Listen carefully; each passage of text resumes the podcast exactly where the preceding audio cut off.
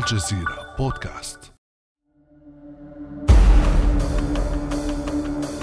مشهد غير مألوف لا في العالم العربي ولا في أمريكا. موظفون حكوميون يصولون ويجولون في بيت رئيس سابق دونالد ترامب في هذه الحالة ويبحثون عن وثائق وملفات سرية. خطوة في تحقيقات عديدة أربكت ترامب وحتى خصومه. لكن ما الذي يريده الأف بي آي؟ قليل ما نعرفه حتى الآن.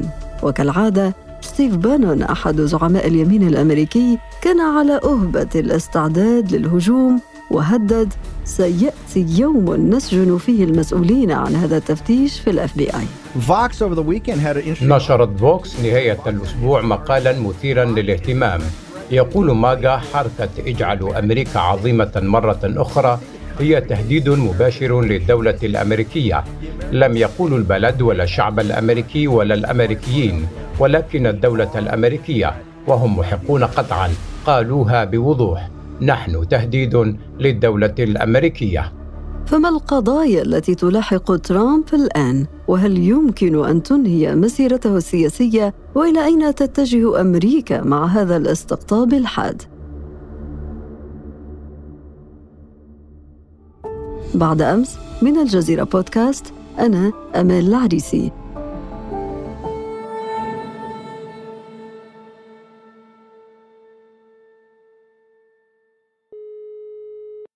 وينضم إلي في هذه الحلقة الأستاذ عبد الرحمن يوسف الكاتب والصحفي المقيم في واشنطن. أهلا وسهلا بك أستاذ عبد الرحمن. أهلا وسهلا بك أستاذة أمال وبالسادة المستمعين.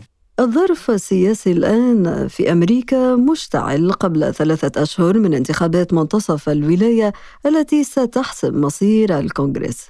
لنبدأ بالتحرك الأخير لمكتب التحقيقات الفيدرالي، جهاز فيدرالي يفتش منزل رئيس سابق تفتيش اعتبره ترامب مدفوعا بملاحقة حزبية فيما وصفه الخبراء بالكابوس الأمني. اشرح لنا أستاذ عبد الرحمن رمزية هذه الواقعة النادرة في تاريخ أمريكا.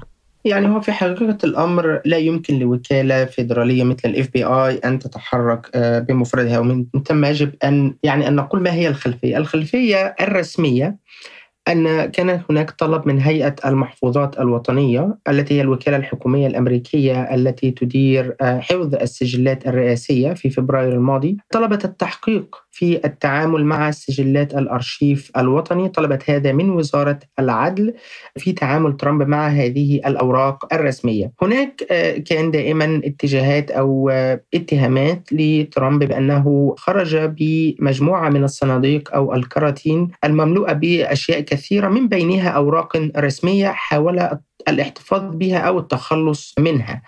وهناك بعض الشهادات في هذا السياق. تتحدث أنه حاول أيضا إتلاف بعض الأوراق داخل البيت الأبيض لكن حتى الآن لا يوجد أدلة رسمية على هذه النقطة الأخيرة. لكن في السياق الذي نتحدث فيه تحرك ال FBI الذي لا يمكن أن يتحرك إلا بإذن قضائي من قاضي فيدرالي.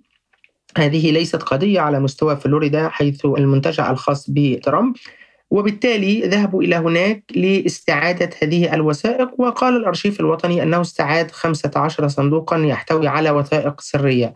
كما تفضلت هناك ما زال بعض الغموض حول هذه الوثائق طبيعة هذه الوثائق.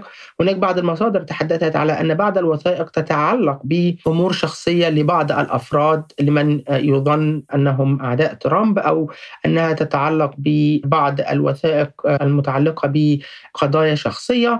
حتى الآن هذا ليس عليه أي دليل يقيني لكن الدليل اليقيني أو الشيء اليقيني أن الأمر يتعلق باستعادة صناديق تحتوي على وثائق سرية وبالتالي كانت هذه هي الخلفية القانونية والرسمية لهذا التحرك بغض النظر عن الأبعاد السياسية المصاحبة لها.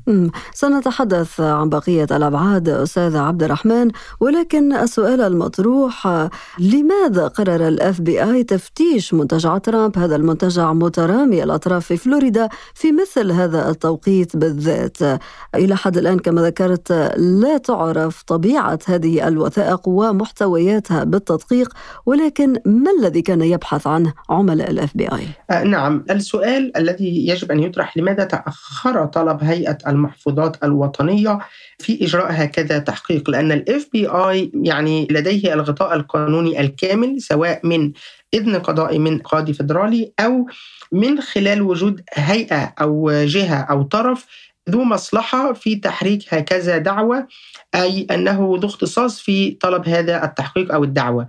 البعض يرد أن هذا بسبب التأكد من هذه الوثائق وغيابها وإجماع جميع الأدلة من أجل طلب التحرك في هكذا تحقيق. وبالتالي التوقيت على المستوى القانوني له غطاؤه لكن على المستوى السياسي هناك شكوك حوله إلا أن الرد كما أشرت يتعلق بوجود مدة كافية للتأكد من عدم وجود الوثائق يعني الضائعة أو الوثائق غير الموجودة أو المتلفة بحيث يكون هناك حجة قوية لطلب هذا التحقيق الذي هو ربما يعد تحقيقا غير مسبوق في الولايات المتحدة الأمريكية ومن ثم الاف بي اي لديه الغطاء الكامل ولم يرتكب أي مخالفة قانونية وفقا للقانون الأمريكي. وهذا تحقيق أستاذ عبد الرحمن أعاد إلى الواجهة سلسلة القضايا المفتوحة حاليا والمرتبطة بالرئيس الامريكي السابق دونالد ترامب، احكي لنا عن أبرز هذه القضايا. قضايا ترامب قضايا متعددة ربما الأكثر شهرة إعلاميا هي القضية الخاصة لجنة الكونغرس وهي بالمناسبة ليست حتى الآن قضية قانونية لذلك لأنها فيها التباس كثير سأضعها في النهاية لكن دعيني أبدأ بالقضية التي هي تحقيق فتح عام 2019 أي وقت وجود ترامب في السلطة. هذا التحقيق يتعلق بالممارسات التجارية لعائلة ترامب هو تحقيق في نيويورك تقوم به المدعية العامة لولاية نيويورك وهو جوهره اتهام بالحصول على إعفاءات ضريبية وقروض من البنوك من خلال تقييم غير دقيق أو تقييم احتيالي أو مضلل للأصول التي يملكها ترامب وتملكها عائلته من أجل تسهيل هذه القروض أو الحصول على إعفاءات ضريبية، هذا تحقيق مدني ليس تحقيق جنائي لكن يطمح أن يتحول إلى تحقيق جنائي بعد ذلك. في هذا التحقيق استدعي ترامب إلى نيويورك هذا الشهر لكنه رفض أن يجيب على مجموعة من الأسئلة لأنه استند للتعديل الخامس في الدستور بألا يكون المتهم شاهد ضد هذه الدعوة يؤمل أن تنتهي برفع دعوة قضائية أو هذا التحقيق يؤمل أن ينتهي برفع دعوة قضائية ليكون هناك أحكام بعقوبات مالية ضد ترامب. هذه هي القضية ربما الأقدم إنجاز التعبير آه، منذ عام 2019. ونشير في هذه القضية أستاذ عبد الرحمن إلى أنها شهدت تطور جديد بعد إقرار المدير المالي السابق لمنظمة ترامب وهو المدير المقرب من الرئيس الأمريكي السابق ترامب بذنبه بالإحتيال والتهرب الضريبي ووافق أيضا على الإدلاء بشهادته في جلسة محاكمة المنظمة المقررة في أكتوبر القادم. نعم. بالإضافة إلى ذلك هناك تحقيق في مقاطعة فولتون يقوم به المدعي العام في مقاطعة فولتون بولاية جورجيا وهو يبحث إذا ما كان ترامب حاول التدخل في نتائج هذه الولاية. ونحن نعلم أن ولاية جورجيا من الولايات الأخيرة فيما يتعلق بإعلان النتائج والتي كان لها تأثير كبير جدا في حسم النتيجة لصالح بايدن وهي كانت ولاية جمهورية لكن حدث فيها انقلاب كبير في التغير المزاجي للناخبين ولذلك يعني كانت ضربة كبيرة للجمهوريين حتى على مستوى مقاعد مجلس الشيوخ حينما فاز أحد النواب الديمقراطيين بأحد المقاعد هناك وبالتالي يعني كانت ولاية إشكالية ولذلك يقولون أن ترامب وفريقه حاولوا التدخل في نتائج هذه الولاية وهناك تحقيق بشأنها. فيما يتعلق بمسألة الكونغرس وهي البيك أو القمة الخاصة بهكذا قضايا فترامب حتى الآن ليس متهما رسميا لأن هناك مستويان في هذه القضية. المستوى الأول هو التحقيق الجنائي التي تجريه وزارة العدل بالإضافة إلى الوكالات الفيدرالية فيما يتعلق بهذا الاقتحام للكونغرس الذي كان تاليا مباشرة لانتهاء خطاب ترامب في هذا اليوم وكان الهدف الرئيسي من هذا الاقتحام هو محاولة منع تصديق الكونغرس على النتائج النهائية للانتخابات والتي بموجبها يصبح بايدن رئيسا رسميا بعد تصديق الكونغرس.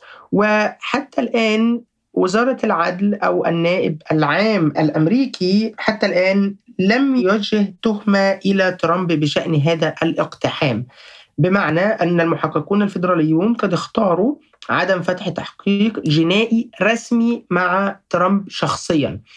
وبالتالي البعض عليه أن يفرق ما بين ما تقوم به وزارة العدل فيما إذا كان ترامب قد اتخذ خطوات لقلب نتائج انتخابات 2020 هذا تحقيق منفصل إذا كان اتخذ خطوات لقلب النتائج واقتحام الكونغرس. البعض يرى أنهما متصلان.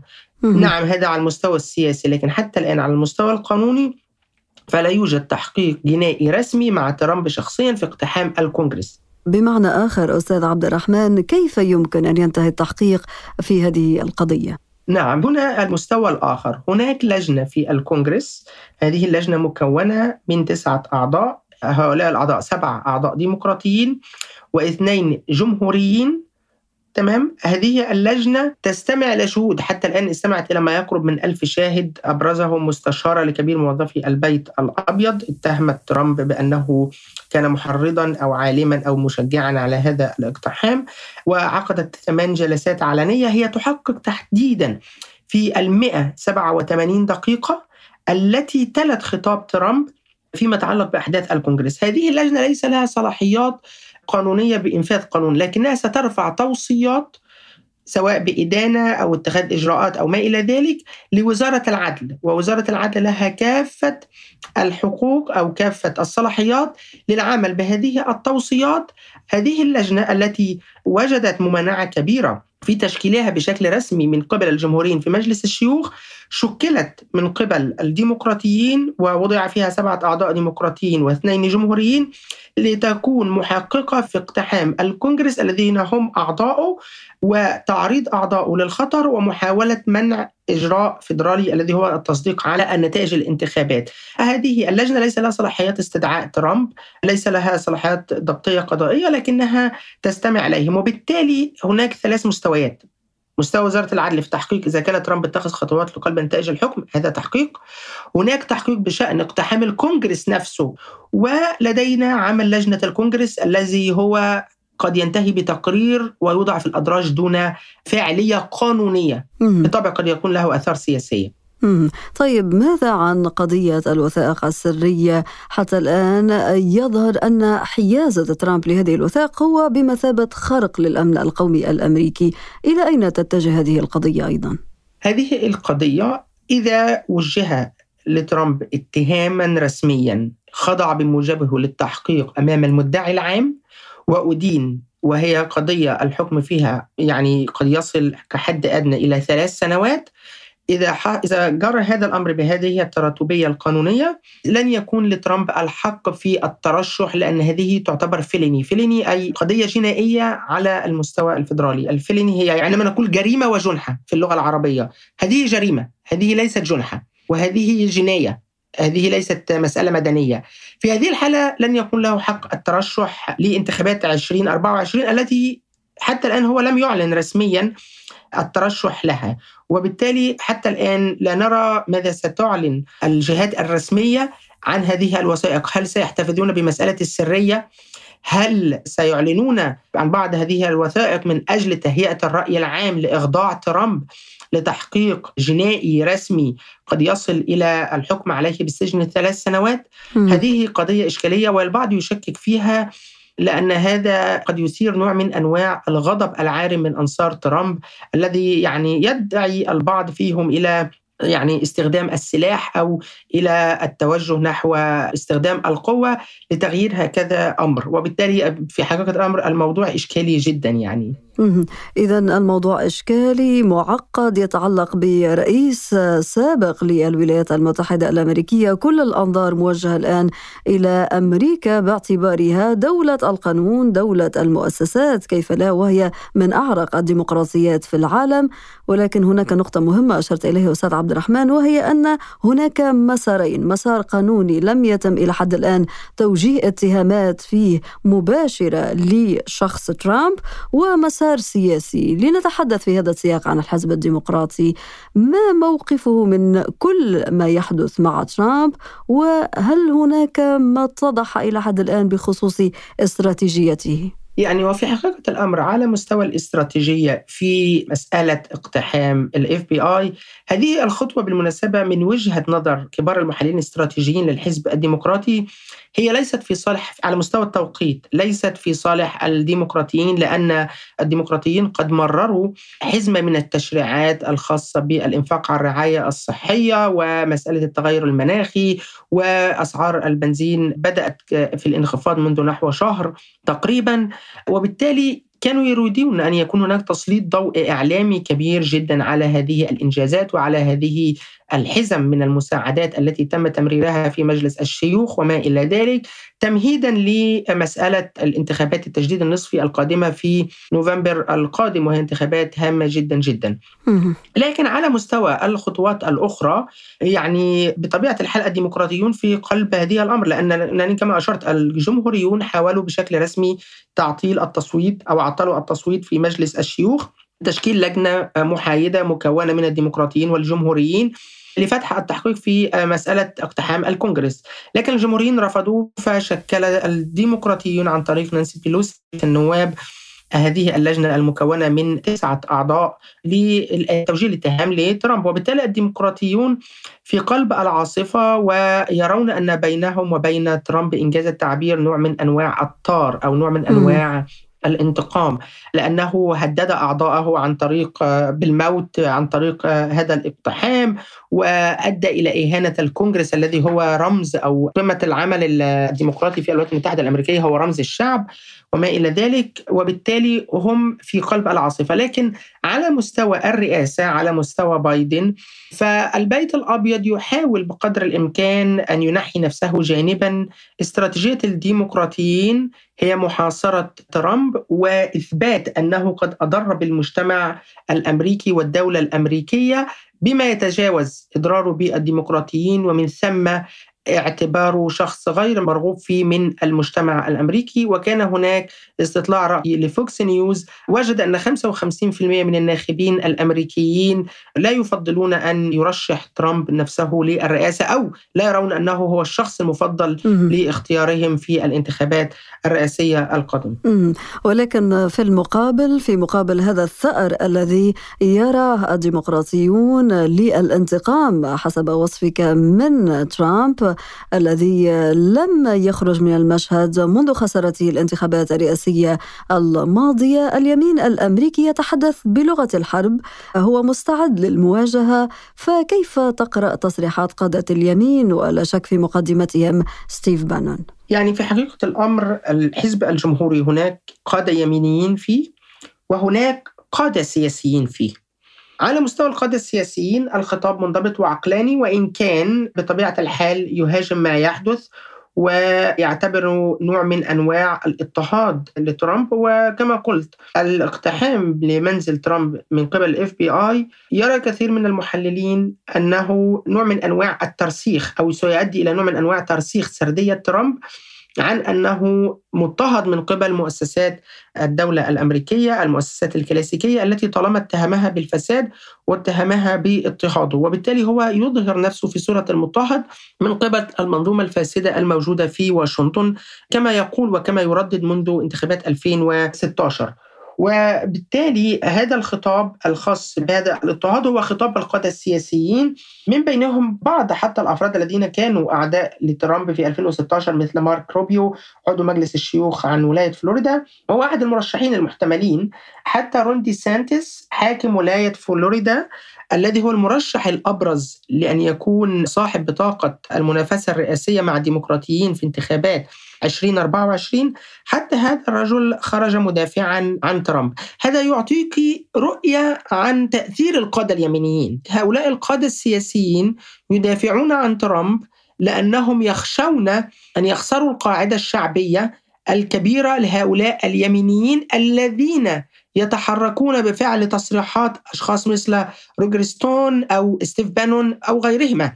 وهذا بطبيعة الحال يصنع إشكالية كبيرة جدا لأن الحزب الجمهوري من بينهم ابنة ديك تشيني الموجودة في لجنة التحقيق وهي جمهورية وآدم كينزينجر وهو أيضا من الحزب الجمهوري ومعادي لترامب. هؤلاء الكلاسيكيين يرفضون ترامب لكن لم يعد لديهم هذا التأثير بفعل تحرك القادة اليمينيين الذين أثروا على القطاعات الشعبوية التي هي الطبقة الرئيسية طيب. التي تصوت بكثافة وبالتالي أصبح الحزب الجمهوري في حالة من أنواع الانقسام بسبب هذا التباين في الخطاب ما بين القادة الشعبيين القادة اليمينيين والقادة السياسيين. طيب بالنظر لهذه المواقف المتباينة وكذلك التطورات التي تشهدها الولايات المتحدة الأمريكية وبعض المحللين وصفوها بالعاصفة السياسية كيف ستنعكس على مستقبل ترامب السياسي؟ لا يرغب الجمهوريين أن يعلن رسميا ترامب نيته الترشح لانتخابات 2024 لماذا؟ الصراع الآن في الولايات المتحدة هو صراع حول قضايا اجتماعية بشكل رئيسي في القلب منها قضية الإجهاض التي ألغت الحق الدستوري له آه، المحكمة العليا الأمريكية في يونيو الماضي آه، ورأينا آثار وتداعياته في النقاشات السياسية في الولايات المتحدة الأمريكية حق امتلاك السلاح في الولايات المتحدة الأمريكية وحق استخدامه بعد قضايا ال mass shooting أو القتل الكثيف سواء في تكساس أو فلوريدا. أو غيرهما وقضية الضرائب وتخفيض الضرائب وما إلى ذلك بالإضافة لحالة التضخم وسوء الحالة الاقتصادية في الولايات المتحدة الأمريكية. الجمهوريين يرغبون أن تظل هذه القضايا ولا سيما أنهم حققوا انتصارات فيها أن تكون في قلب الحملات الإعلامية وليس ترامب نفسه مم. وبالتالي يحاول أو يعني يسعى القادة الجمهوريين لإقناع ترامب بشكل مباشر أو غير مباشر بأن يؤخر هذه الخطوة حتى يفوزوا بالأغلبية في الكونغرس الأمريكي ومن ثم يستطيعون تقويض أجندة بايدن والديمقراطيون ويكسبون مساحات أكبر ضدهم لكن هل أعلن ترامب ترشحه في ظل القضايا الموجودة؟ سيستفيد. هو من السردية الخاصة بمسألة اضطهاده وسيشحن القاعدة الجمهورية بما يجعل يعني قوات إنفاذ القانون وما إلى ذلك تستشعر الخطر وتستشعر التهديد. هو يلعب بالنار يعني ترامب بالفعل يلعب بالنار ويعني يدفع المجتمع الأمريكي إلى نوع من أنواع الصدام. البعض يقول انه قد يصل إلى حرب أهلية. هذا أمر مستبعد حتى الآن. دعني أسألك أستاذ عبد الرحمن بالضبط عن هذه النقطة تفضل. نقطة المخاوف التي أثارها المتابعون للشأن الأمريكي من إمكانية حدوث حرب أهلية بسبب هذا الانقسام خاصة إذا ما تمت بالفعل إدانة الرئيس الأمريكي السابق دونالد ترامب نعم دعني أشير معك إلى أعتقد في جريدة USA Today أو مجلة Politico واحدة منهما منذ عام 2016 أو 2017 قالت أن أمريكا تعيش حرب أهلية صامتة بمعنى أنه فعل الاحتراب الأهلي على مستوى الاجتماعي على مستوى الحروب الثقافية على مستوى الانقسامات الحادة في المجتمع المظاهرات المضادة وما إلى ذلك. ويعني نشاط مجموعات مسلحة يمينية كثيرة وما إلى ذلك هذا ينبئ أن المجتمع في حالة انقسام أهلي لكن غير عنيف أو غير مسلح. حتى الآن أنا تقديري الشخصي أن هذا أمر أمر صعب لأن مؤسسات إنفاذ القانون لديها القوة الكافية لمنع هذا الأمر هذه التحذيرات وهذا الدخان الذي يتصاعد هو يهدد السلم الاجتماعي ليس بالضرورة أن يصل الأمر إلى حرب أهلية ولكن كلما زاد الاستقطاب كلما تعطلت القضايا في المحاكم أو زادت القضايا الاجتماعية على أمور ليست ذي أهمية على المستوى القومي، الأمر الذي يعطل عمل الدولة نفسها، الأمر الذي يجعل المواطنين غير قادرين على الانسجام مع بعضهم البعض. هذا الأمر حينما يتصاعد لن تكون في قلب حرب أهلية لكن ستكون في قلب انقسام أهلي مسلح، يعني هناك انقسام يسعى البعض إلى استخدام السلاح ولو بشكل فردي للتعبير عن غضبه، وأنا التقدير السياسي أن المؤسسات الفيدرالية أو المؤسسات الفاعلة في عمق الدولة الأمريكية لا ترغب في إدانة ترامب. هي ترغب في محاصرته وليس إدانته. ولذلك أنا أشرت إلى هذا في مقالي المنشور عن تحليل نتائج لجنة مولر عن الانتخابات الرئاسية أن التحقيق لم يبرئ ترامب لكنه لم يدينه لأن خطوة الإدانة كانت سيكون لها تبعات كبيرة جدا. هناك قرارات ضخمة تتعلق بكيانات أو مؤسسات أو أشخاص لهم ضخامة اعتبارية أو ضخامة آه، لوجستية. إذا كان هناك أي نوع من أنواع القرارات ضدهم سيكون له تبعات الجميع في غنى عنها. ومن ثم يجب محاصرتهم ولكن لا يجب القضاء عليهم نهائيا خشية هذه التبعات.